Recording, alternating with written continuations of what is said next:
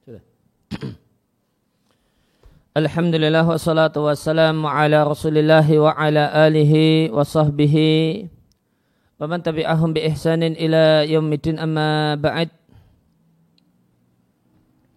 kaum muslimin dan muslimah rahmani wa rahimakumullah kembali kita lanjutkan membaca dan mentalaah risalah suratus salah wa arkaniha wa wajibatiha karya Syekh Muhammad Ibn Abdul Wahab rahimallahu taala dengan penjelasan dari Syekh Abdul Muhsin Al-Abad Al-Badar hafizallahu taala wa faqahu. Ya, kita masuk di halaman 29 kembali ke baqiyati surati salati syarat-syarat salat yang lainnya. Kalau al-musannifu rahimallahu taala eh, syarat sah salat yang selanjutnya yang kelima adalah menghilangkan najis dari tiga ya, yaitu dari badan, dari pakaian dan dari tempat salat. Wa dalilu qauluhu ta'ala dan dalilnya adalah firman Allah taala wa thiyabaka fatahhir dan bersihkanlah pakaianmu. Penjelasannya wal makna maksudnya Bahasa seorang muslim sebelum sholat hendaklah dia menghilangkan ma'ala badanihi wa thiyabihi. Menghilangkan najis yang ada di badannya dan di pakaiannya. Demikian juga di tempat Allah yusalli fiha yang dia salat di tempat tersebut. Bersihkan tiga hal tadi min najasatin dari najis. Namun ini perlu dibersihkan dari najis in wujidat jika dijumpai najis. Ya, kalau tidak dijumpai najis maka tidak perlu was-was membersihkan hal yang tidak perlu dibersihkan. Caranya wadhalika dan menghilangkan najis birusliha bil ma'i dengan mengguyurnya, mengguyur najis dengan air. Dan jika seorang itu sholat dalam keadaan ada pada dirinya najis dan dia tidak tahu kecuali setelah selesai salat maka salatnya sah. Dan jika dia tahu di tengah-tengah salatnya dan memungkinkan baginya untuk e, mencopot, melepas mabihin najasatu. Ini, sesuatu yang bernajis yang ada pada dirinya, maka adalah dia melepasnya. Kemudian dia istamar lanjut, melanjutkan salatnya. Wa illa Ya, semisal ada najis di di peci, ya, maka bisa dilepas. Hmm. Namun jika wa'ila jika tidak mungkin dilepas sambil sholat, ya, karena itu celana misalnya, ya, celana dalam ya, terasa ada yakin ada yang netes, maka tidak mungkin dilepas sambil sholat, maka aha dia hentikan salatnya. Dalilnya karena Nabi Shallallahu Alaihi Wasallam solabi, solabi itu artinya jadi imam bersama para sahabatnya dalam keadaan beliau memakai dua sandal lantas dan dua di dua sandal tersebut atau di sandal tersebut terdapat najis. Lantas Nabi melepas dua sandalnya di tengah-tengah salat. Dan Nabi kabarkan kepada para sahabat setelah selesai sholat, Anna Jibril bahasanya malaikat Jibril memberi, memberikan informasi kepada Nabi bahasanya di sandal tersebut terdapat kotoran yaitu najis. Diatkan oleh Abu Dawud dengan sanad yang sahih dari Abu Sa'id Al-Khudri radhiallahu anhu. Ini halaman 30. Maka Nabi Shallallahu Alaihi Wasallam istimrar melanjutkan sholatnya setelah melepas dua sandalnya maka ini dalla jadi dalil sahnya salat orang yang mengerjakan salat dalam keadaan wa alaihi najasatun ada pada dirinya najis dan dia tidak tahu kecuali setelah selesai salat. Li'annahu law kanat la tasihu karena seandainya la tasihu tidak sah niscaya salat akan ustuk nifat diawali dari awal. Jadi anggap saja Nabi sholat empat rakaat. ya, setelah dapat dua rakaat dapat informasi dari Jibril kalau ada najis di sandal maka Nabi copot sandalnya dan Nabi lanjutkan sholatnya ya, dan dua rakaat yang pertama itu tidak masalah maka ini dalil bahasanya seandainya seorang itu mengerjakan sholat dalam keadaan di, di badannya itu ada najis dan dia tidak tahu dan baru tahu setelah selesai maka sholatnya sah. Ya, sholatnya sah.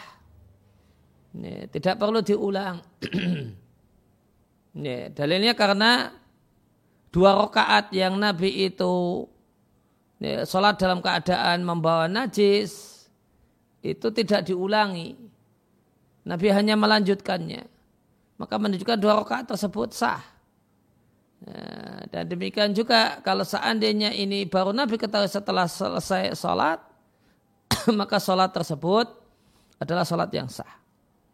Itu sisi pendalilannya.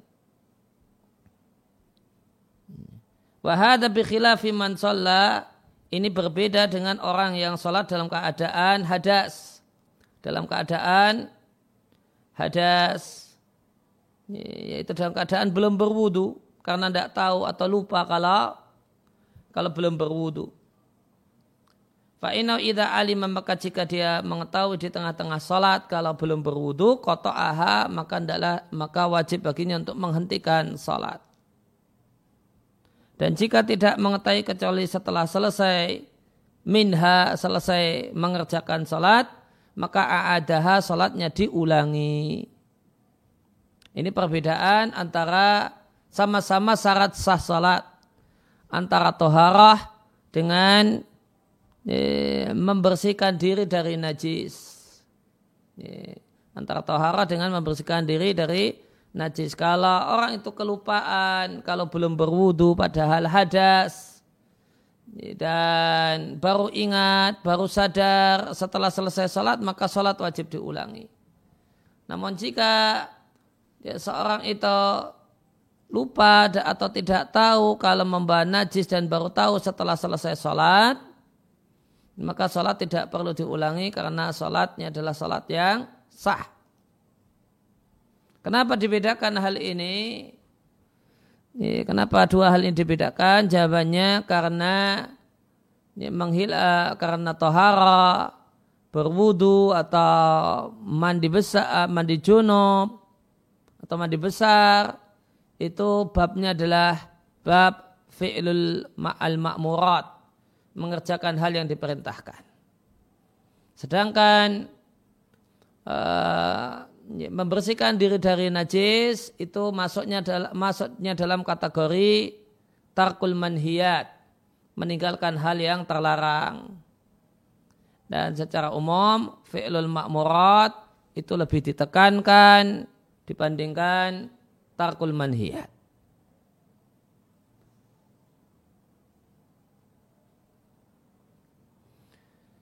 Ya, kembali ke buku likaulihi sallallahu alaihi wasallam karena Nabi sallallahu alaihi wasallam bersabda Allah tidak menerima salat kalian ya jika dalam kondisi hadas kecuali setelah berwudu diatkan oleh Al-Bukhari dan Muslim. Hadisnya telah lewat. Dan jika seorang musalli, seorang yang hendak salat meletakkan karpet atau hamparan alal ardi pada tanah alatifiha najasatun yang ada pada tanah tersebut najis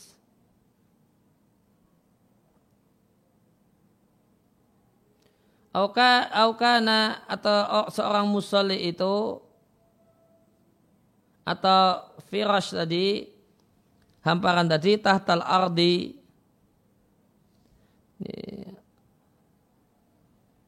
Oh, ini kanannya isim kanannya amakin amakinu.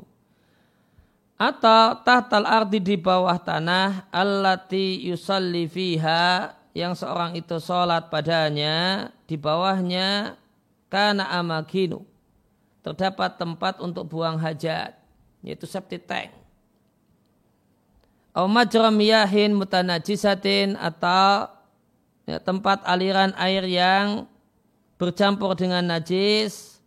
Fa inna salatahu sahihatun maka salatnya sah karena orang tersebut tidak mubasyarah bersentuhan langsung dengan najis. Jadi bolehkah salat di sahkah salat di atas septic tank?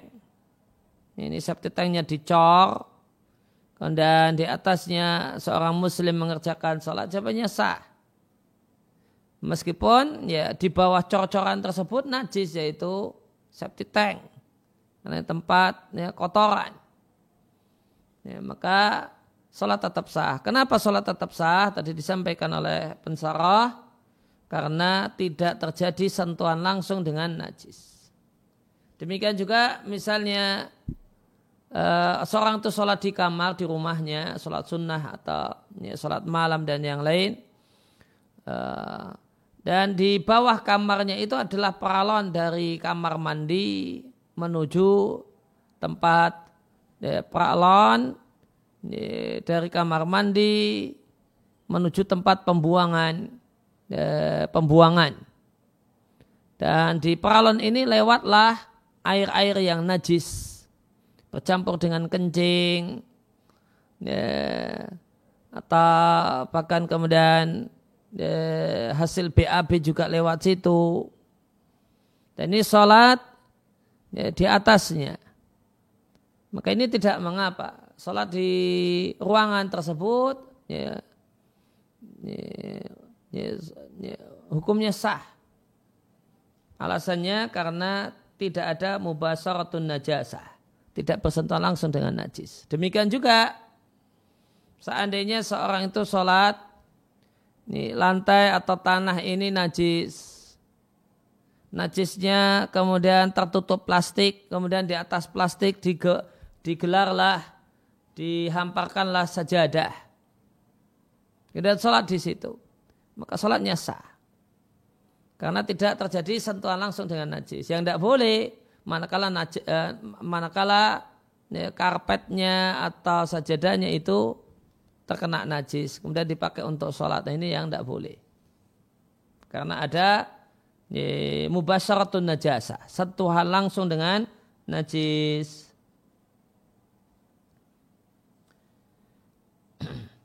uh, Ibnu Katsir awrad dan membawakan dalam tafsir firman Allah Ta'ala wa thiyabaka fatahir nukilan dari sejumlah ulama salaf ya, fitafsir dalika yang menafsirkan wa thiyabaka fatahir dengan suci dari e, minat dunubi wal ma'asi dari dosa dan maksiat.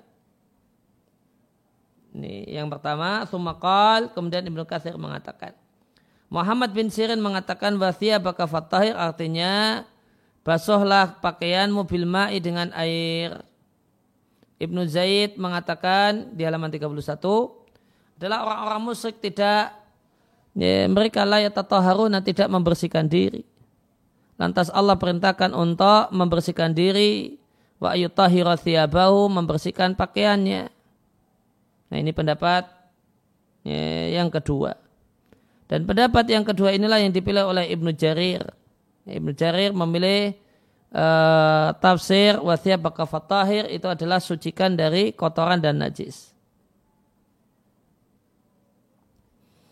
Kemudian Abad sendiri mengatakan waqat tashmulu al ayatu jami'a dalika. Ayat ini mencakup semua hal itu, dua-duanya.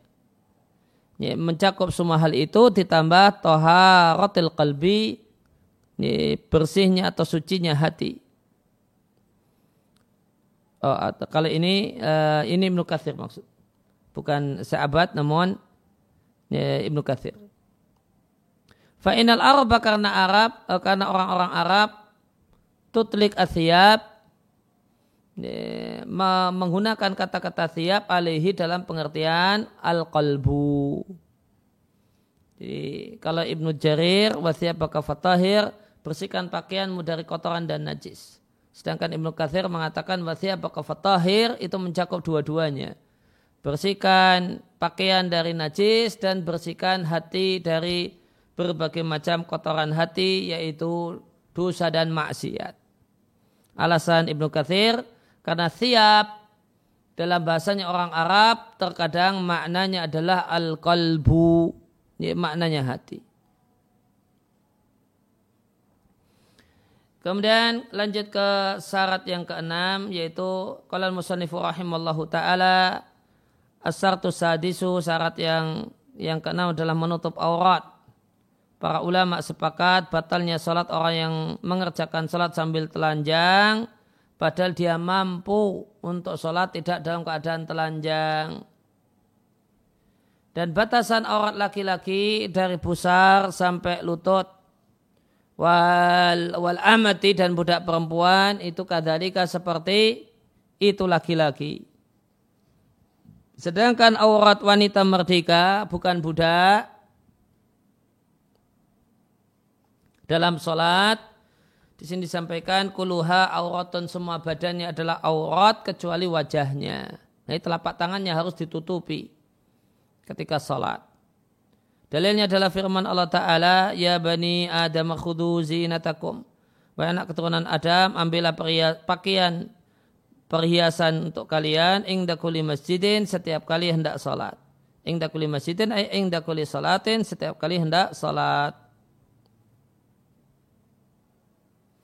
Al-matlub yang diperintahkan fi hali saati dalam kondisi lapang adalah seorang muslim ketika salat dan yang lainnya ala hayatin hasanatin dalam e, penampilan yang baik filibas dalam pakaian dan yang lainnya.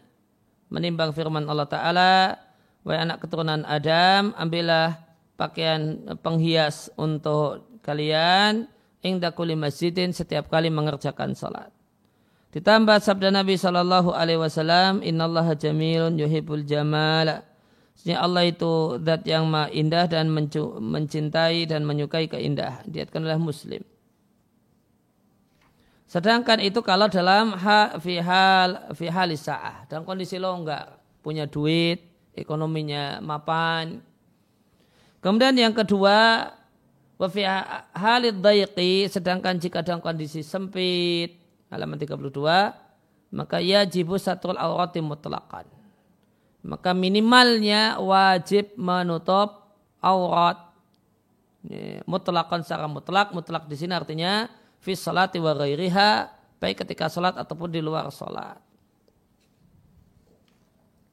Dan idealnya pakaian penutup aurat itu bimala yasifu pakaian ya, penutup aurat itu adalah pakaian yang tidak mendeskripsikan al-basyarata warna kulit. Artinya bukan pakaian yang transparan, itu syarat pakaian.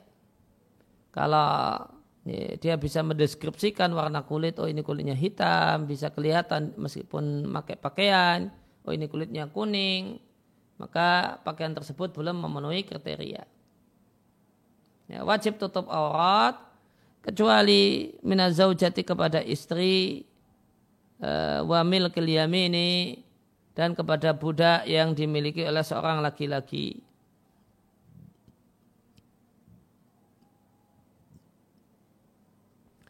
Menimbang sabda Nabi Shallallahu Alaihi Wasallam, jagalah auratmu, ya, jagalah auratmu, jangan terlihat illa min zaujatika kecuali pada istrimu atau budak perempuan yang engkau miliki.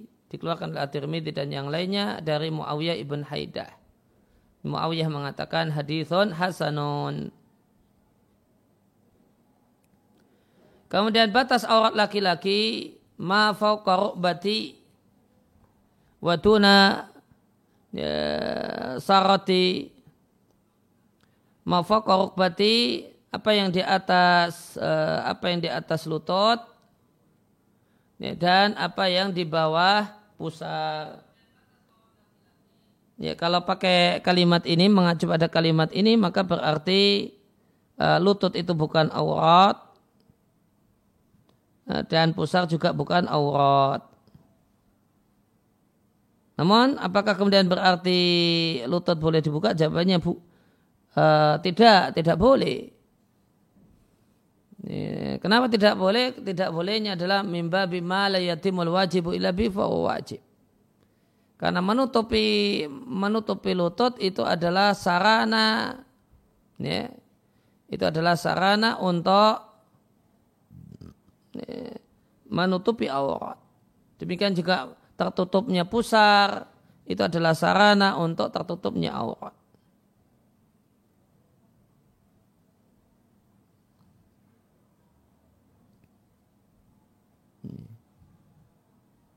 Maka di sini disampaikan oleh pensara bahasanya aurat laki-laki mafaqa rubati wa duna surati.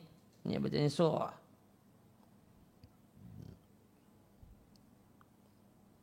Ya, sehingga lutut itu bukan aurat, pusar juga bukan aurat, namun semestinya tetap ditutup dalam rangka malayatimul wajibu ila bi wajib.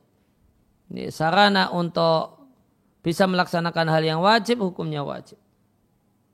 Di kauli sallallahu alaihi wasallam karena sabda Nabi sallallahu alaihi wasallam jika salah satu kalian sudah menikahkan budaknya pelayannya maksudnya budaknya dijelaskan dengan abdahu budaknya au ajirahu ini, kalau ini makna aslinya ajirahu itu ini apa e, karyawannya orang upahannya namun yang diinginkan dengan Kalimatnya adalah budaknya.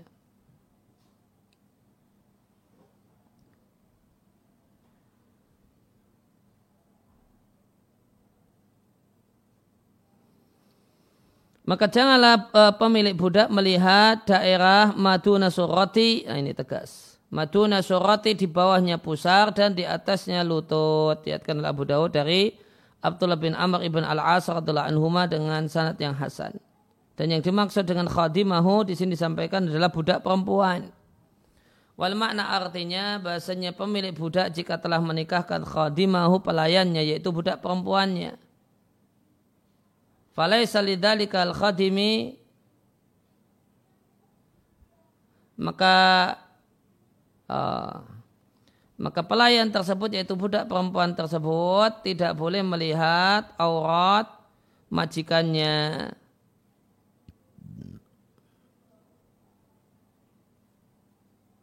Ya, maka idza zawaja ahadukum khadimahu jika kalian pemilik budak menikahkan budak perempuannya khadimahu abdahu au ajirahu itu maknanya budaknya fala yang dur. Yang dur ini yaknya kembali ke budak maka budak tidak boleh melihat ya, daerah di bawahnya pusar dan di atasnya lutut dari tuannya. Kenapa tidak boleh? Li'annahu bitaswijiha karena dengan dinikahkannya budak perempuan ini maka manfaat istimta ya, ya, manfaat kesenangan biologis itu berpindah dari tuan pemilik budak ila zauji kepada suaminya. Fakharaja bidzalika, dalikanya berarti pernikahan. Maka dengan sebab pernikahan keluarlah ini, ini budak ini dari ketentuan yang ada dalam sabda Nabi Shallallahu Alaihi Wasallam jagalah auratmu kecuali pada istri atau budak yang kau miliki. Wayadulu lidhalika dalil ya, yang menunjukkan bahwasanya paha itu aurat adalah sabda Nabi Shallallahu Alaihi Wasallam di halaman 33 Ghatti fakhidaka fa innaha minal aurati tutupi pahamu karena paha itu bagian dari aurat. Dikeluarkan oleh At-Tirmidzi dari Jarhat. Wakal Jarhat mengatakan hadithun hasanun. Al-Bukhari mengatakan dalam sahihnya bab mayuzkaru fil fakhidi, bab tentang pembahasan tentang paha apakah aurat ataukah bukan. Wa yurwa dan diatkan dari Ibni Abbas Jarhat dan Muhammad ibn Jahsyin dari Nabi Shallallahu Alaihi Wasallam paha itu aurat. Namun ada hadis yang kedua yaitu hadis Anas Nabi Shallallahu Alaihi Wasallam menyingkap pahanya menunjukkan kalau paha itu bukan aurat. Ada dua ada dua dua hadis. Satu menunjukkan paha itu aurat eh, dengan sabda Nabi. Yang kedua paha itu bukan aurat dengan perbuatan Nabi. Dari dua hadis ini komentar Al-Bukhari hadis dari sahabat Anas itu asnad lebih kuat. Sedangkan hadis jarhat itu lebih hati-hati sehingga seorang itu keluar dan selamat dari perbedaan di antara para ulama. Kemudian ijma yang disebutkan oleh penulis itu dihikayatkan dan diceritakan oleh Ibnu Qudamah di Al-Murni dari Ibnu Abdul Bar. Ya, Ibnu Abdul Bar mengatakan ulama sepakat ya, bahasanya tidak sah sholatnya orang yang dalam kondisi longgar, sholat dalam keadaan telanjang dan tidak berpakaian.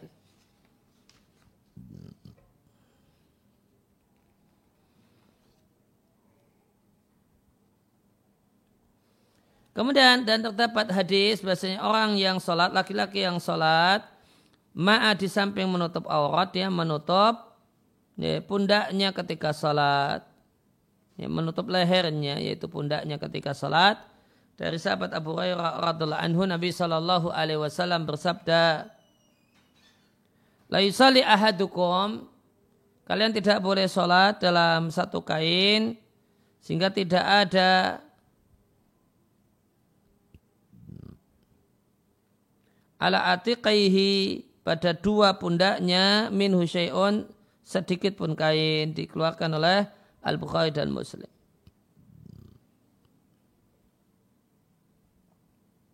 Ya, maka jika laki-laki ya, mengerjakan sholat dalam keadaan lapang, maka hendaknya pundak dalam keadaan tertutup. Ini pakai kaos, pakai kemeja, pakai jubah atau yang lainnya. Tapi kalau kondisinya kondisi tidak lapang cuma punya satu kain yaitu sarung, ya sudah pakai sarung saja auratnya tertutup kemudian digunakan untuk mengerjakan salat dan salatnya sah.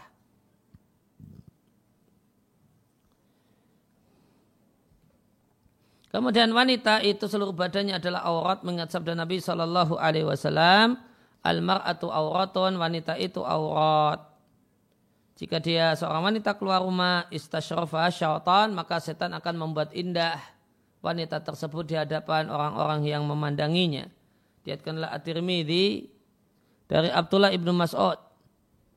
Tirmidzi mengatakan ini adalah hadis Hasan Sahih Gharib. Maka wajib atas uh, seorang wanita muslimah menutupi badannya Sampai-sampai juga menutupi wajahnya dari pandangan laki-laki ajnabi. Ini aurat pandangan. Guru kami, kata sahabat, Muhammad Al-Amin uh, Singkiti atau Sangkiti sebenarnya yang lebih tepat itu bacanya di bukan dari singkit namun dari sangkit. Al-Amin As-Sangkiti, Sangkiti rahimallahu taala di kitabnya Adwa'il Bayan ketika tafsir surat ya, Al-Ahzab mengomentari hadis ini itu hadis al-mar'atu auratun. Wa maja'a fihi dan hadis tentang hal ini yang menunjukkan bahasanya wanita itu aurat ya dulu alal hijabi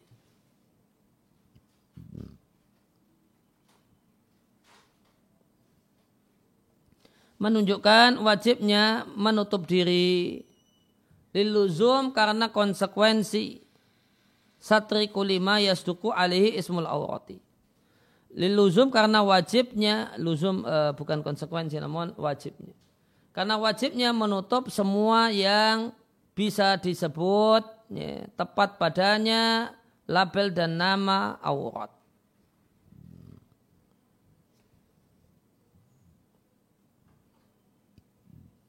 Ya, diluzum karena wajib menutup semua yang disebut aurat.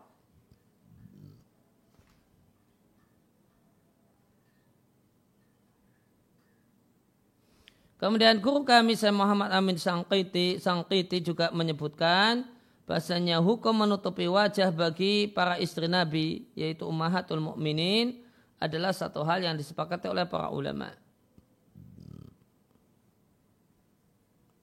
Dan bahasanya ayat-ayat yang turun memerintahkan ummahatul mukminin para istri Nabi untuk berhijab itu memuat dua indikator. Yang dua indikator tadi tadulani menunjukkan bahasanya hukum hijab tidak khusus untuk para istri Nabi. Bal bahkan lahunna untuk istri Nabi dan semua wanita umat ini. Indikatornya ada dua tadi. Yang pertama, ta'lilul amri bil hijabi. Illah kenapa diperintahkan berhijab adalah firman, eh, terdapat dalam firman Allah Ta'ala hal itu lebih suci bagi hati kalian dan hati mereka. Wadhalika dan hal tersebut halaman 35 jika e, disampaikan hal semacam itu, ada kalimat semacam ini disampaikan fihinna untuk istri Nabi. Padahal Allah Subhanahu wa taala memuliakan istri Nabi minat tahara. Ya, mereka uh, Allah muliakan dengan kesucian dan jauh dari aribah, hal-hal yang mencurigakan. Maka fa'inna khairahunna min nisa'il ummati maka nis, uh, wanita umat ini selain para istri Nabi yang tidak mendapatkan apa yang didapatkan oleh ummahatul mukminin mimbabil aula lebih-lebih lagi wajib untuk berhijab. Mereka wanita-wanita mulia. Allah Allah wajibkan mereka berhijab dan Allah katakan kenapa wajib berhijab? Itu supaya lebih membuat suci hati mereka. Ya, maka wanita-wanita yang tidak mendapatkan ya, pemuliaan dari Allah Subhanahu wa taala berupa jaminan kesucian dan yang lainnya itu berarti lebih wajib untuk berhijab.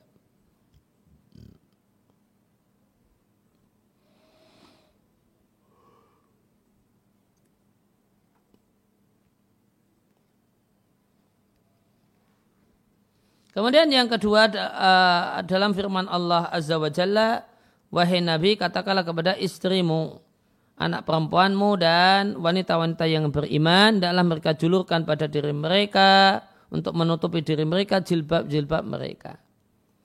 Maka ayat ini menunjukkan bahasanya ya, pakaian penutup untuk wanita umat Muhammad Shallallahu Alaihi Wasallam itu sama dengan pakaian penutup ummahatul mukminin. Sehingga ayat ini jadikan dalil bahasanya ini, ini jadi indikator yang menunjukkan bahasanya kewajiban untuk berhijab secara sempurna ini, termasuk di antaranya menutup wajah itu juga berlaku ini, untuk semua wanita umat Muhammad sallallahu alaihi wasallam. Karena perintah untuk menjulurkan alaihinna pada badan e, minal jilbab pada badan Sebagaimana itu diperintahkan untuk para istri Nabi, ini juga diperintahkan pada anak perempuan Nabi, demikian juga wanita-wanita yang beriman. Wahua, maka hal ini ya dulu menjadi dalil bahasanya hukum ini. Yaitu hukum wajib hijab ya, yang sempurna termasuk di antaranya menutup wajah itu tidak khusus untuk ummahatul mukminin tidak khusus untuk istri Nabi, bahkan ini berlaku untuk istri Nabi dan ya, wanita-wanita dari wanita-wanita yang beriman.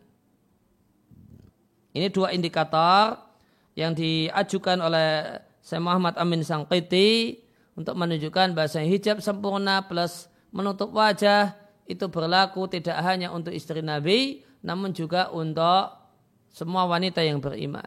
Ada dua indikator. Indikator pertama pakaian yang Allah wajibkan untuk ummahatul mukminin termasuk di antaranya adalah menutup wajah yang itu. Menutup wajah bagi istri Nabi itu ijma. Itu kenapa diperintahkan demikian? Allah katakan supaya hati mereka lebih suci. Maka bercadar itu diwajibkan kepada para istri Nabi dengan dengan tujuan ya, supaya hati lebih suci.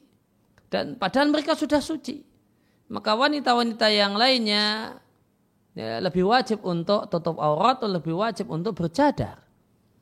Ini, karena wanita-wanita yang lainnya lebih membutuhkan kesucian dibandingkan para istri Nabi. Kemudian alasan yang kedua, ini Allah tegaskan di surat Al-Ahzab 59 bahasanya pakaian yang Allah perintahkan kepada ya, model pakaian atau ya, model pakaian yang Allah perintahkan kepada uh, wanita-wanita yang beriman itu sama dengan model pakaian yang Allah perintahkan pada para istri Nabi. Dan dengan sepakat ulama, model pakaian istri Nabi itu plus penutup wajah. Maka berdasarkan Al-Asab 59, maka pakaian penutup untuk wanita yang beriman juga semestinya ya, menutupi wajah.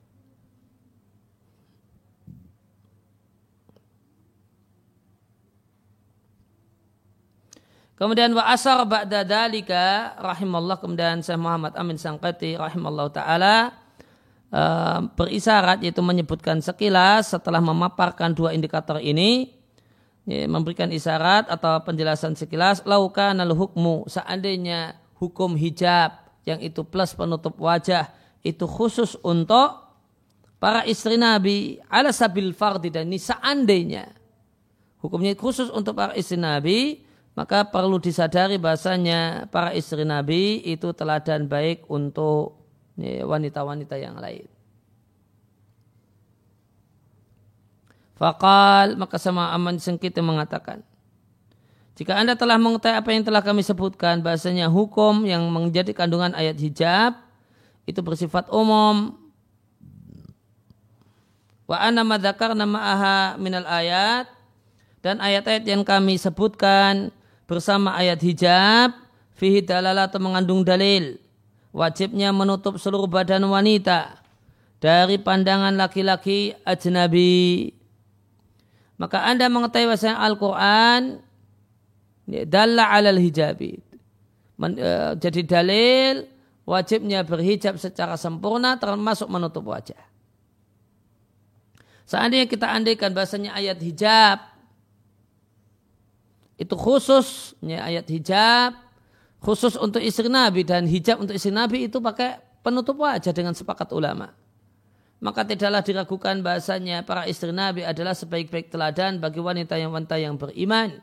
Dalam adab yang mulia ya, yang membuahkan yang meng, uh, muktadiyah yang ya, berkonsekuensi yang membuahkan kesucian yang sempurna dan tidak terkotori dengan kotoran ini perbuatan dan gelagat yang mencurigakan.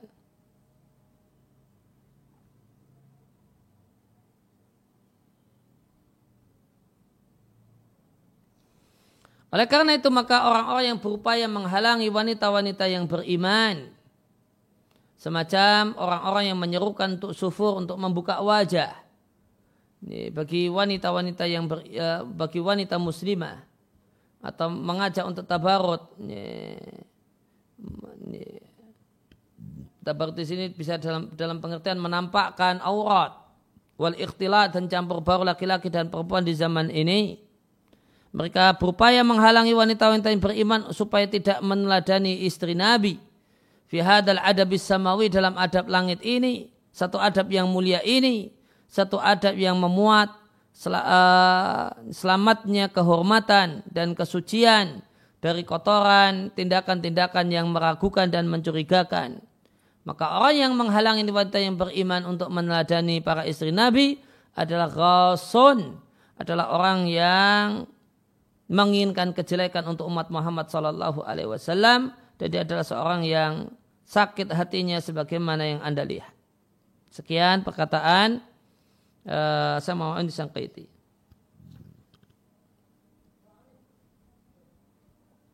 Kemudian di antara dalil yang paling gamblang yustadalubi yang bisa digunakan sebagai dalil dari hadis wajibnya wanita menutupi wajahnya dari laki-laki ajnabi.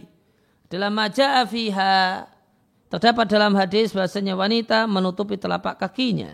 Dari Abdullah bin Umar radhiallahu anhu Rasulullah sallallahu alaihi wasallam bersabda, siapa yang menyeret kainnya karena sombong, Allah tidak akan memandanginya pada hari kiamat. Ummu Salamah mengatakan, maka bagaimanakah yang dilakukan oleh wanita dengan ujung kainnya?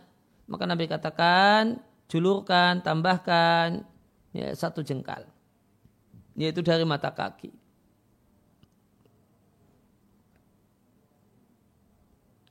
Maka Ibu Namu Salamah mengatakan di halaman 37, 37 Idan jika demikian, telapak kakinya masih tersingkap.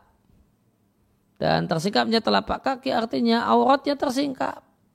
Maka Nabi mengatakan kalau demikian julurkan satu hasta yaitu dari mata kaki. Dan satu hasta itu sama dengan dua jengkal. Ya sudah kalau gitu tambah satu jengkal lagi. Namun lam yazidna alaihi. Namun jangan lebih dari itu. Diatkan oleh alusunan dan yang lain.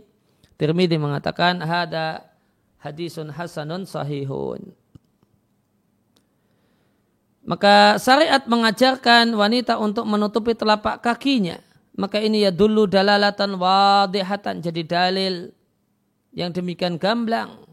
Bahasanya menutup wajah bagi wanita muslimah itu wajibun hukumnya wajib. Lianau karena wajah wanita itu adalah sumber godaan wanita. Laki-laki itu tergoda wanita bukan karena ya, bukan karena jempol kakinya. Ya, bukan karena tumitnya, tumit kakinya. Ya, namun karena wajahnya. Maka ya, jempol kaki saja wajib ditutupi padahal dia bukan sumber godaan lawan jenis. Maka ya, maka bagaimana lagi dengan wajah? Kemudian wajah itu adalah maudiul jamal tempat kecantikan. Kalau orang mau menilai wanita itu cantik ataukah tidak, nih, maka mana tolak ukurnya wajahnya. Hmm.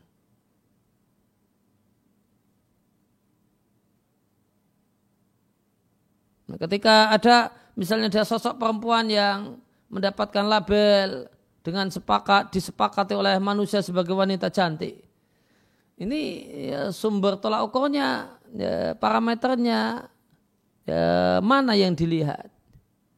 Mana yang jadi tolak ukur dan parameter jawabnya wajahnya. Maka wajah itu mau diul fitnah, tempat godaan, ya, tempat godaan bagi laki-laki, demikian juga mau diul jamal, ya, tempat kecantikan dari seorang wanita. Watardiyatuhu maka menutupi wajah lebih utama daripada menutupi dua kaki.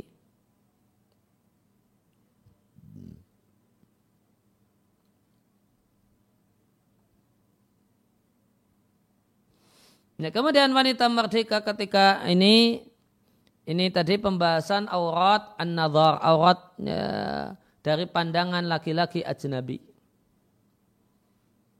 Maka pembahasan aurat wanita itu ada dua bahasan yang wajib dipisahkan. Jangan dicampur adukkan. Yang pertama pembahasan tentang auratun nadhar, aurat supaya terjaga dari pandangan laki-laki ajnabi. Maka pendapat yang dipilih oleh Sabdul Musin Al-Abbad beliau mengikuti gurunya dan beralasan dengan alasan gurunya beralasan sebagaimana alasan yang dibawakan oleh gurunya sama Muhammad Amin Sangkiti ya, bahasanya uh, wanita wajib untuk menjaga seluruh tubuhnya termasuk wajahnya dari pandangan laki-laki ajnabi. Ya, dan sisi pendalilannya menarik Ya, sisi pendalilannya menarik diawali dari uh, supaya faham alur logikanya. Ya, diawali dari sepakat ulama bahasanya pakaian ummahatul mukminin, pakaian istri Nabi itu terkandung padanya penutup wajah. Menutup wajah itu wajib bagi para istri Nabi dengan sepakat para ulama. Nah, itu dulu. Sudah setelah itu kemudian tadi dibawakan dua indikator. Ini, setelah Allah Subhanahu wa taala mewajibkan para istri Nabi untuk uh, berhijab termasuk dalam dalam hal ini bercadar bahkan lebih dari itu menutup wajah Allah katakan hal tersebut aturan semacam ini ditetapkan ya, supaya lebih Ya, suci hati kalian para sahabat laki-laki dan supaya lebih suci hati mereka para istri Nabi. Supaya lebih suci. Padahal mereka ini wanita-wanita suci. Hmm. Maka selain istri Nabi lebih lebih wajib untuk mendapatkan kesucian dengan cara berpakaian sebagaimana pakaian yang diperintahkan kepada para istri Nabi yaitu menutup wajah. Kemudian alasan yang kedua ditegaskan di surat Al-Ahzab 59 bahasanya pakaian wanita-wanita yang beriman itu sama dengan pakaian para istri Nabi. Karena kulli azwajika wa banatika wa nisa'il mu'minin. Padahal dengan sepakat ulama pakaian di azwajika pakaian untuk istri Nabi itu plus penutup wajah. Ya, maka pakaian untuk nisa ilmu minin berarti juga demikian plus penutup wajah. Nah kemudian uh, di paragraf selanjutnya di halaman 37 kita bahas tentang masalah aurat wanita dalam sholat. Wal mar'atul huratu wanita yang merdeka dalam sholat menutup semua badannya kecuali wajah. Dan pendapat yang disebutkan oleh Syekh Muhammad rahimallahu taala ini di kitab Al-Murni dinisbatkan sebagai madhab Imam Ahmad. Wadakara dan penulis Al-Murni yaitu Ibnu Qudama ya, lahu riwayat lahu riwayatan ukhra menyebutkan ada pendapat kedua dari Imam Ahmad. Pendapat yang kedua dari Imam Ahmad adalah boleh ya, membuka dua telapak tangan juga di samping wajah. Sehingga semuanya tertutup kecuali wajah dan dua telapak tangan. Itu pendapat kedua Imam Ahmad. Dan bolehnya membuka wajah dan telapak tangan oleh Ibnu Qudamah dinisbatkan sebagai pendapat Imam Malik dan Asy-Syafi'i. Kemudian Ibnu Qudamah azam menisbatkan sebagai pendapat e, Imam Abu Hanifah bolehnya membuka dua telapak kaki di samping wajah dan e, wajah dan dua tangan. Ini aurat dalam sholat apa yang wajib ditutupi dalam sholat. Wa idza kana indal mar'ati dan jika di dekat wanita tersebut terdapat laki-laki ajnabi wa hiya tusalli dan wanita ini sedang sholat atau wanita ini tidak sholat maka wanita tersebut menutupi wajahnya. Disampaikan oleh penulis kitab Al-Murni, Ibn Abdul Bar Al-Maliki mengatakan mereka para ulama sepakat bahasa menjadi kewajiban seorang wanita untuk membuka wajahnya ketika sholat dan ketika kondisi ihram.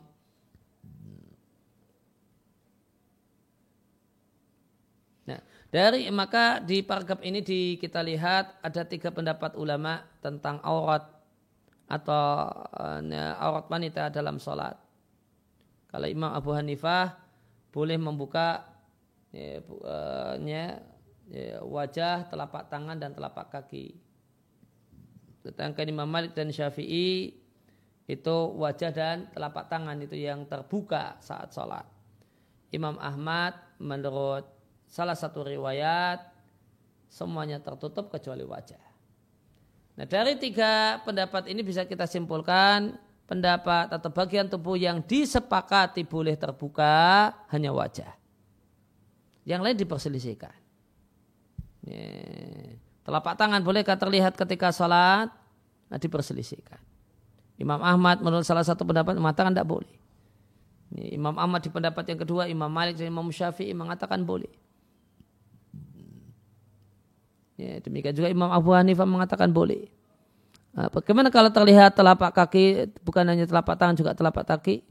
Ya, ini juga diperselisihkan. Hanya Imam Abu Hanifah yang membolehkannya. Nah, oleh karena itu di halaman 38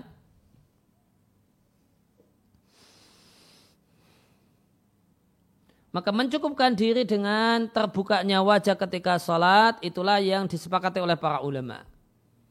Bagian tubuh yang disepakati boleh terlihat dalam sholat adalah wajah. Sehingga ketika sholat wanita muslimah menutupi seluruhnya kecuali wajah itulah al-aula, itulah yang lebih utama, wal ahwatu dan lebih hati-hati.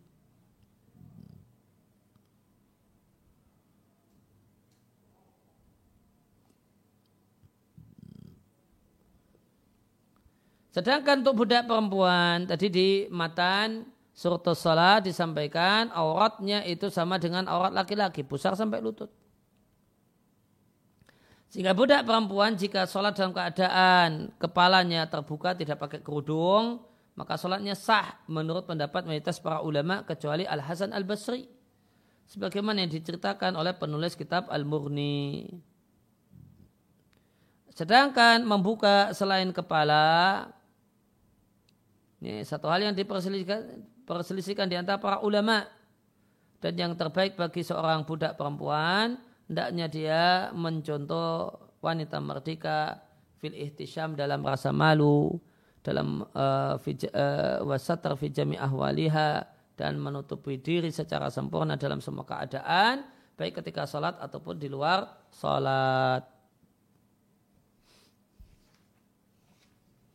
Kemudian syarat yang ketujuh kembali ke matan kalau musannif rahimallahu taala asartu sabiu syarat yang ketujuh tibanya waktu sholat. Dalilnya dari hadis hadis Jibril alaihi salatu wasalam Jibril uh, salat mengimami Nabi Shallallahu Alaihi Wasallam selama dua hari. Di hari yang pertama fi awalil waktu di awal waktu salat. Sedangkan di hari kedua fi akhirihi di akhir waktu salat. Setelah selesai jamaah selama dua hari Jibril kemudian mengatakan pada Nabi kita ya Muhammadu as-salatu baina hadainil ini. Salat itu, waktu salat itu di antara dua waktu yang telah diketahui dari dua uh, dua hari ini. Ditambah firman Allah Ta'ala sebenarnya salat itu menjadi kewajiban orang-orang yang beriman. Kita bahan kewajiban maukutan yang memiliki waktu. Ay mafrudan fil awqati ya, diwajibkan pada waktu-waktunya. Dan dalil waktu firman Allah Ta'ala tegakkan salat lidulu kusyamsi. Ketika matahari geser ke barat, ila ghusaqil laili sampai ya, uh, gelapnya malam itu sampai isya ini dulu syamsi itu uh, duhur ila ghusaqil lail itu isya wa Qur'an al-fajri dan salat subuh. Inna Qur'an al-fajri Sebenarnya salat subuh halaman 39 karena masyhuda disaksikan oleh para malaikat. Maka disyaratkan untuk salat salat lima waktu ditunaikan pada waktunya. Fala juzu maka tidak boleh seorang wanita muslimah sholat mengerjakan sholat lima waktu sebelum waktunya. Dan jika dia ya, dan jika sholat tersebut telah dikerjakan sebelum waktunya wajib diulangi. Demikian juga tidak boleh mengakhirkan sholat dari waktunya. Sebelum waktunya tidak boleh, setelah waktunya juga tidak boleh. Nih. Maka jika sholatnya sebelum waktunya, maka wajib diulangi pada waktunya. Jika sholatnya setelah waktunya, falau akharahatta kharaja waktuha. Seandainya dia akhirkan pelaksanaan sholat sampai habis waktunya, maka dirinci. Ada dua rincian. Yang pertama, jika ya, sholat setelah waktunya berakhir itu linaumin karena tidur, tidak tanpa ada kecerobohan ya, ma'ahu bersama tidur atau karena lupa, maka dikodok dan tidak ada dosa atasnya.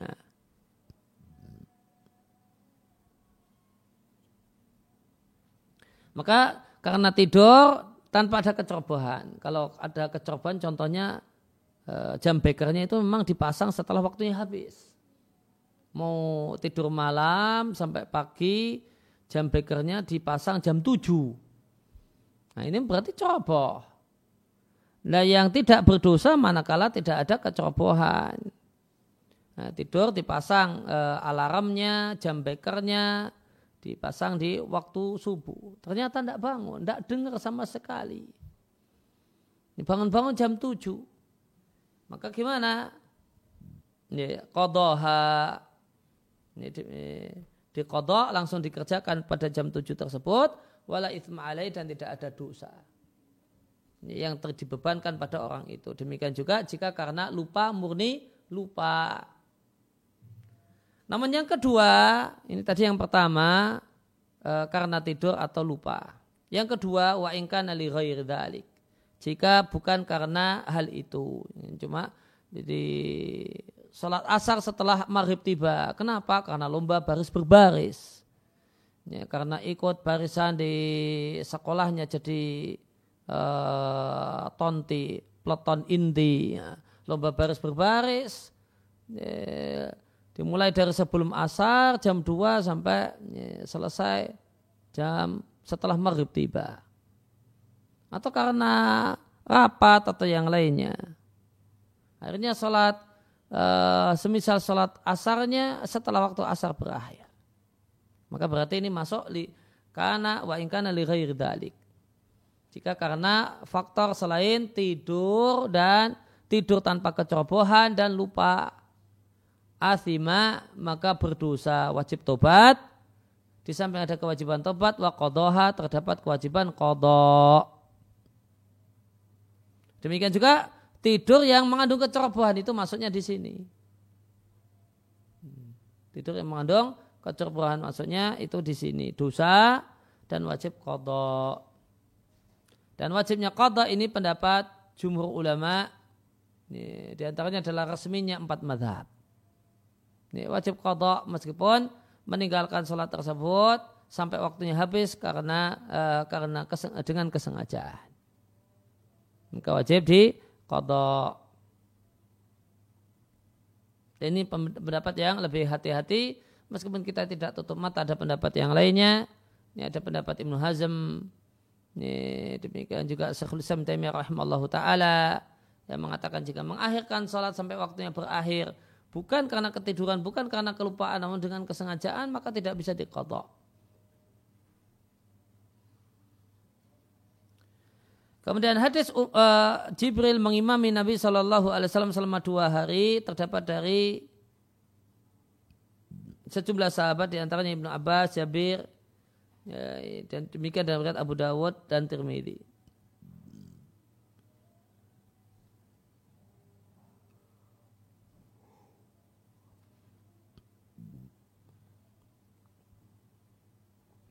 Kemudian wa min audahima jaa fi baini awqati salati. Dalil dalil yang paling gamblang yang berisi penjelasan waktu salat lima waktu adalah hadis dari Abdullah bin Amr radhiallahu anhu dalam Sahih Muslim. Rasulullah sallallahu alaihi wasallam bersabda, waktu salat duhur jika matahari telah geser ke barat. Dan adalah apa yang bayang seseorang itu seperti panjang bendanya, seperti panjang orangnya selama waktu asar belum tiba, halaman 40 ya. Sedangkan waktu asar selama matahari belum menguning. Waktu salat maghrib selama belum tenggelamnya mendung yaitu mendung merah. Dan waktu salat isya itu cuma sampai separuh malam yang pertengahan. Yang dimaksud separuh malam, maghrib sampai subuh dibagi dua. Dan waktu salat subuh sejak terbit fajar selama matahari belum terbit. Jika matahari telah terbit, fa'amsik, maka tahan diri jangan sholat, karena matahari itu terbit di antara dua tanduk setan, yaitu dua tanduk iblis. Sebabnya karena ketika matahari mau terbit, iblis itu mendekati ke arah matahari, kemudian berada di sana, sehingga posisinya matahari terbit di antara dua tanduknya. Dan pada saat itulah para penyembah matahari bersujud menyembah matahari. Ya, kemudian syarat yang kedelapan menghadap uh, Musanif rahimallahu taala syarat salat yang kedelapan dalam menghadap kiblat. Dalilnya adalah firman Allah taala ya, qad nara. Biasanya qad kalau masuk mudhari itu kadang-kadang namun di sini maknanya sungguh. Sungguh kami melihat bolak-balik wajahmu ke arah atas. Sungguh kami akan palingkan dirimu ke arah yang engkau ridai. Palingkanlah wajahmu ke arah Masjidil Haram. Dan di mana saja kalian berada, palingkanlah wajahmu satarahu ke arah Masjidil Haram. Maka disyaratkan untuk menunaikan uh, dalam penunaian sholat antakuna hendaknya menghadap ke arah kiblat yaitu Ka'bah al-Musyarrafah. Maka jika dia fi hadarin tidak bepergian Aukan atau bepergian dan ladai di dekatnya terdapat orang yang bisa memberitahukan padanya arah kiblat. Wajib baginya bertanya tentang arah kiblat. Tidak boleh langsung mengerjakan sholat dengan berdasarkan pertimbangan-pertimbangan. Dalam keadaan ada di dekatnya orang yang bisa mengkabarkannya secara pasti kapankah azan e, berakhir. Maka jika seorang itu sholat dan e, menghadap bukan ke arah kiblat, wajib baginya untuk mengulanginya. Sedangkan jika seorang itu dalam keadaan bepergian, halaman 41, Yastah itu maka wajib bersungguh-sungguh untuk mengetahui arah kiblat. Fa'in salak maka kemudian jika dia salat dan jelaslah bahasanya salatnya tidak menghadap ke arah kiblat, salatnya sah mengingat firman Allah Taala, fattaqullaha mastata'tum. Bertakwalah kalian kepada Allah semaksimal kemampuan kalian. Ya, maka uh, mengerjakan sholat selesai mengerjakan sholat dengan salah kiblat itu ada dua rincian. kalau di rumah atau safar namun ada namun safar di daerah muslim ada yang bisa ditanya di mana arahkah di mana arah kiblat salah arah kiblat menyebabkan sholat wajib diulangi. Namun jika safar safarnya ke negeri Eropa dan tidak tahu pastinya arah kiblat itu di mana, maka ternyata kemudian sholat dengan satu arah ternyata diketahui kalau itu salah kiblat, maka sholatnya tetap sah. Kemudian dibolehkan bagi musafir untuk sholat sunnah seluruhnya di atas kendaraannya meskipun tidak menghadap kiblat. Terdapat eh, sahabat tadi sunnah terdapat hadis tentang hal ini dari sejumlah sahabat. Di antaranya dari Amr ibn Rabi'ah radhiallahu anhu beliau mengatakan, aku melihat Rasulullah sallallahu alaihi wasallam beliau di atas untanya. Yusuf bihu beliau mengerjakan salat sunnah. Dia berisyarat dengan kepalanya sebelum Yumi berasihi Beliau berisyarat dengan kepalanya kibala ke arah ayah wajihin arah mana saja tawajah mengarah. Dan Rasulullah Shallallahu Alaihi Wasallam tidak melakukan hal tersebut untuk salat yang fardu diatkan oleh Al Bukhari dan Muslim. Dan idealnya meskipun uh, idealnya jika seorang musafir mau menginginkan sholat sunnah semacam sholat uh, witir, duha atau yang lainnya di atas kendaraan, maka hendaklah dia menghadap ke arah kiblat ketika ingda dukhulihi fiha, ketika dia masuk dalam solat, yaitu ketika takbiratul ihram. Kemudian barulah menghadap ke arah mana pun yang dia inginkan. Maka tata cara sholat sunnah e, e, bagi musafir idealnya ada cara ideal yaitu takbiratul ihram yang menghadap kiblat kemudian selanjutnya menghadap ke arah kendaraan. Ini idealnya. Namun boleh ya, pada saat takbiratul ihram tidak menghadap kiblat, namun sudah langsung menghadap ke arah kendaraannya itu diperbolehkan.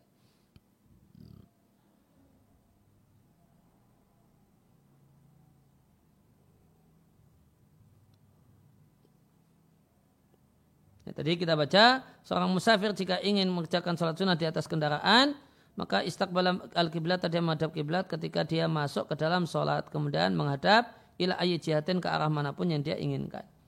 Berdasarkan hadis Anas bin Malik radhiallahu anhu yang diatkan oleh Abu Dawud sehingga Rasulullah sallallahu alaihi wasallam jika beliau safar kemudian beliau ingin melakukan sholat sunnah maka beliau istiqbal menghadap dengan unta betina beliau menghadap ke arah kiblat. Kemudian beliau bertakbir kemudian sholat di mana uh, kendaraannya uh, menghadap. Kata Ibnu Al-Hafidh Ibnu Hajar di Bulul Maram, sanatnya Hasan. Di halaman 42. Dan kata guru kami Abdul Aziz Ibn Bas rahimahullah ta'ala di kitab beliau Hasiyah untuk Bulul Maram, beliau menyetujui perkataan Ibnu Hajar, Huwa kama qala ini sebagaimana dikatakan oleh Ibnu Hajar, perawinya thiqah tidak mengapa. Wabidhalika dengan keterangan ini maka hadis ini mentaksis hadis-hadis yang lainnya yang mutlak yang menjelaskan kalau Nabi hanya menghadap ke arah perjalanan beliau di safar ketika safar.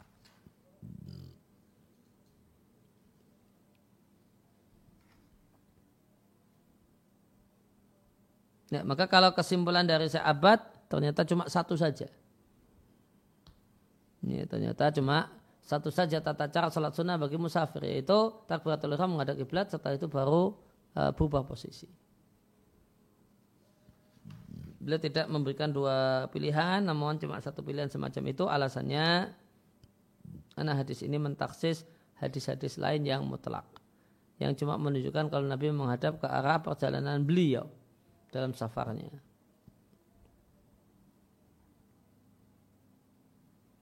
Kemudian yang te, ya, yang terakhir kesempatan ya, kali ini syarat yang kesembilan adalah niat tempatnya di hati melafalkan niat hukumnya bid'ah Dalilnya adalah hadis inamal amal bin niat wa inamal imri'in nawa. Maka niat dalam sholat dan yang lainnya uh, dan ibadah-ibadah lainnya adalah syarat. Maka tidak, sholat tidak sah tanpa niat mengingat sabda Nabi Shallallahu Alaihi Wasallam amal itu tergantung niat dikeluarkan Bukhari dan Muslim. Dan niat itu yakunu memiliki fungsi atamyis membedakan antara salat fardu dan fardu, salat fardu dengan salat sunnah. Dan telah lewat ketika menyebutkan syarat niat, syarat niat yang merupakan bagian dari syarat satu wudhu, tidak boleh Layak justru tidak boleh melafatkan apa yang diniatkan kecuali dalam manasik haji dan e, manasik haji maka boleh e, melafatkan apa yang diniatkan dengan mengatakan labaika umrotan atau labaika hajan atau labaika umrotan wa hajan. Ya, maka menurut beliau ini adalah bentuk melafatkan niat meskipun ulama yang lain memberikan pandangan itu bukan e, bab melafatkan niat karena bunyinya bukan nawaitu atau usolli dan seterusnya sebagaimana bacaan standar di tempat kita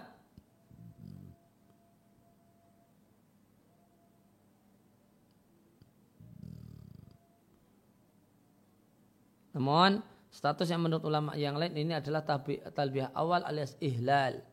Ini bukan melafatkan niat namun ihlal takbir pertama. Ya demikian yang kita baca kesempatan Kali ini wasallallahu ala nabiyina Muhammadin wa ala alihi wasallam wa radwana alhamdulillahi rabbil alamin.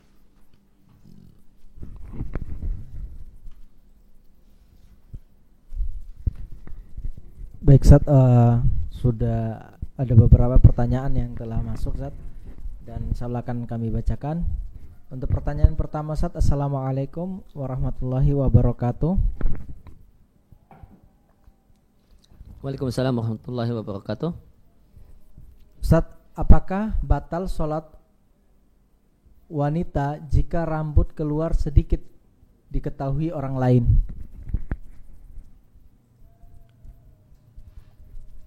Ya, uh, kalau sedikit yang terlalu sedikit, wallah taala a'lam mungkin maafu dimaafkan. Ya. Namun jika uh, lebih dari sekedar al-ma'fu yang dimaafkan maka uh, berarti belum memenuhi syarat sah salat itu menutup aurat. Nah. Baik yang berikutnya Ustaz uh, barakallahu fiik Ustaz. fikum. Izin bertanya, apakah hukumnya anak kecil yang belum lancar baca Quran namun hafal Al-Fatihah dan surat pendek-pendek menjadi imam bagi perempuan dewasa? Sukron. Kalau belum tamyiz maka tidak boleh ya boleh jadi imam manakala dia sudah tamyiz itu sudah genap tujuh tahun masuk tahun ke-8 dalam keadaan al-fatihahnya benar ya al-fatihahnya benar eh, dan dia dia punya hafalan yang ya, ya, ya al-fatihahnya benar dan ya secara umum dia punya hafalan sehingga layak jadi imam. Nah. Baik yang berikutnya saat Ahsanallahu ilaikum Sat Wa ilaikum Sat ada seorang syekh berpendapat daripada pakai nikob tapi terlihat alis atau dahinya mending tidak pakai nikob karena fitnahnya bisa lebih besar. Bagaimana menurut Ustaz? Ah, ya tidak benar. Ya respon yang tepat adalah memotivasinya untuk uh, ya untuk kemudian lebih sempurna bukan e, gembosi dia dan me, apa, mengerdilkan apa yang telah dia lakukan. Nah. Baik, Ustaz. Uh, pertanyaan berikutnya, Assalamualaikum ilaikum, Ustaz. Wa ilaikum. Jadi sebaiknya pakaian wanita itu pakaian yang bisa langsung digunakan untuk sholat atau tidak saat dan harus pakai mukena? Ya longgar saja. Mau bawa mukena boleh. Uh, mau tanpa mukena merasa sudah cukup dengan apa yang dipakai, terutama ketika posisinya di luar rumah. Juga tidak mengapa. Yang penting penuhi ketentuan pen, uh, menutup auratnya ketika sholat. Nah, aurat sholat demikian juga aurat nadar aurat pandangan laki-laki ajnabi. Nah. Pertanyaan berikutnya saat Barakallahu fi Sat Wallahi barik fiikum Ustaz mau bertanya, apakah punggung tangan boleh nampak ketika sholat? Jazakallah khairan. Menurut pandangan ulama yang mengatakan boleh terlihat wajah dan telapak tangan, maka punggung telapak tangan boleh terlihat. Nah. Pertanyaan berikutnya, Barakallahu fiik Ustaz. Wallahi barik fikum.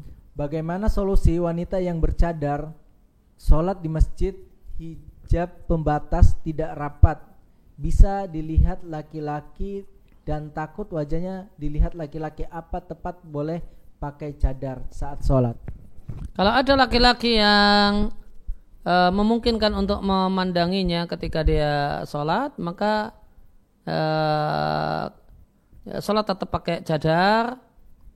Namun ketika sujud, ya, cadarnya dilepas. Ya. Nanti kemudian ketika berdiri dipakai lagi.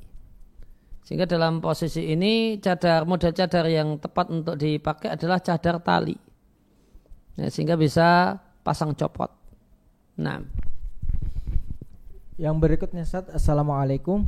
Waalaikumsalam warahmatullahi. Ustaz, wanita lebih utama sholat munfarid di rumah atau berjamaah di masjid Ustaz? Antara di masjid ataukah di rumah maka lebih afdal di rumah meskipun sholat sendirian. Nah. Pertanyaan berikutnya, bagaimana cara sujud sahwi kalau kita lupa jumlah rokaat dan atau jumlah rokaat kurang, sedangkan kita sudah salam atau lupa jumlah rokaat pada saat masih sholat belum selesai? Kalau uh, timbul ragu-ragu, ya, timbul ragu-ragu setelah salam maka ragu-ragunya tidak terpakai, tidak boleh dihiraukan. Ya, ragu-ragu berapa rokaat yang uh, sudah saya ambil. Nah, ini hanya terpakai kalau sebelum salam. Ini, maka sederhananya ambil yang paling ringan. Kemudian sujud sahwi sebelum salam. Nah. Kemudian yang berikutnya Ustaz, Assalamualaikum. Waalaikumsalam warahmatullahi. Ustaz, bagaimana sholat perempuan yang memakai kaos kaki bentuk kaki masih kelihatan kaos kaki warna hitam atau coklat buat sholat? Insya Allah tidak mengapa. Nah.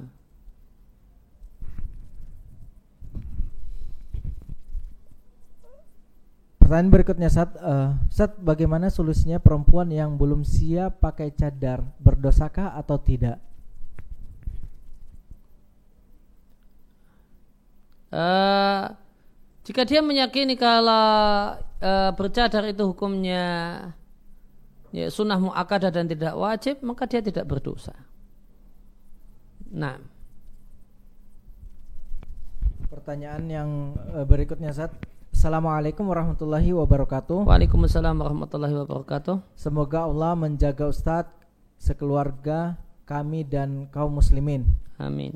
Pada usia berapa anak wajib diberi pengetahuan tentang sholat secara detail, mulai ruku-ruku, syarat, dan pembatal. Uh, menjelang berumur uh, genap tujuh tahun.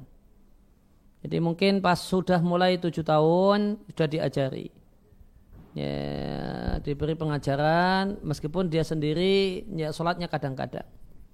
Setelah genap tujuh tahun, nah sehingga setelah genap tujuh tahun dia dalam kondisi sudah cukup diperintah ayo sholat dan ya, ayo jangan lupa sholat dan dia sudah bisa mengerjakan sholat dengan baik dan benar. Nah, yang terakhir saat apakah hal tersebut juga wajib diberikan pelajaran seperti itu juga kepada istri meskipun sudah pernah mempelajarinya? Ya,